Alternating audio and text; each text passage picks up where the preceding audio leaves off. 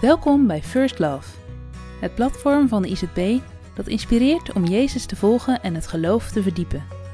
Vanuit de Bijbel delen christelijke schrijvers vanuit verschillende expertises een inzicht over thema's die iedereen raken. Deze bijdrage gaat over geld en is geschreven door Andries Knevel.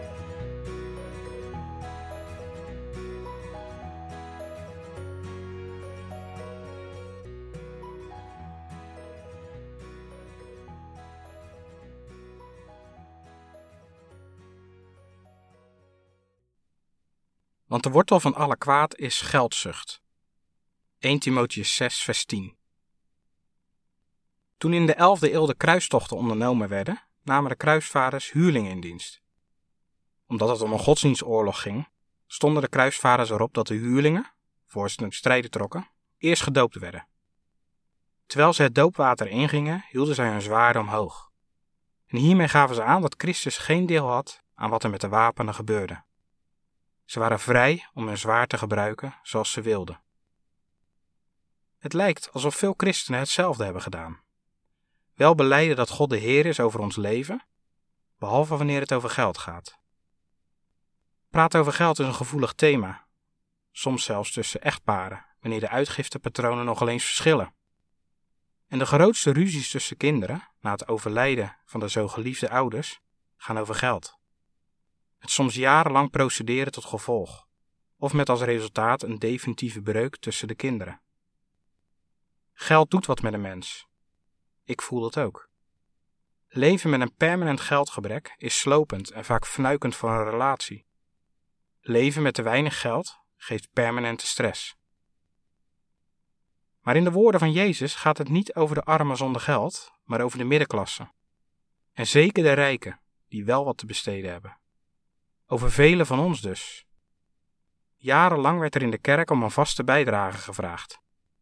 Mijn grootvader was penningmeester van een kerk, en wat ik begreep was dat dit jaarlijkse bedrag niet zoveel voorstelde, afgezet tegen de gemiddelde inkomens in de gemeente. Later is onder invloed van de evangelische beweging het geven van tiende gebruikelijk geworden. Althans, er werd en wordt regelmatig over geschreven en soms ook gepreekt. Waarbij de simpele vraag luidt: geven we 10% van ons inkomen aan kerk en koninkrijk? Het is opvallend dat in het Nieuwe Testament maar één afgod met name wordt genoemd: de mammon in Lucas 16, vers 13. Een Syrisch woord voor geld of rijkdom en tevens een Arameese woordspeling dat zoiets betekent als vertrouwen. Jezus verdiept hier als het ware onze omgang met geld. Het gaat niet alleen om de vraag hoeveel je weggeeft, maar veel meer nog, waar stellen we ons vertrouwen op? Het eerste is nog te doen. Het tweede is veel confronterender. Ooit zei Luther: er zijn drie bekeringen nodig: de bekering van het hart, het verstand en de beurs.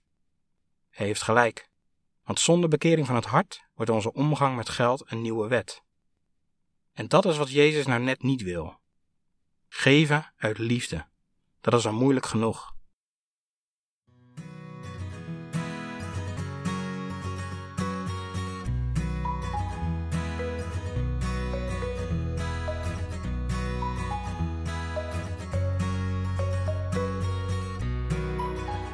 Bedankt voor het luisteren naar deze bijdrage. Voel je vrij om deze te delen met anderen. Ben je benieuwd naar andere artikelen van First Love?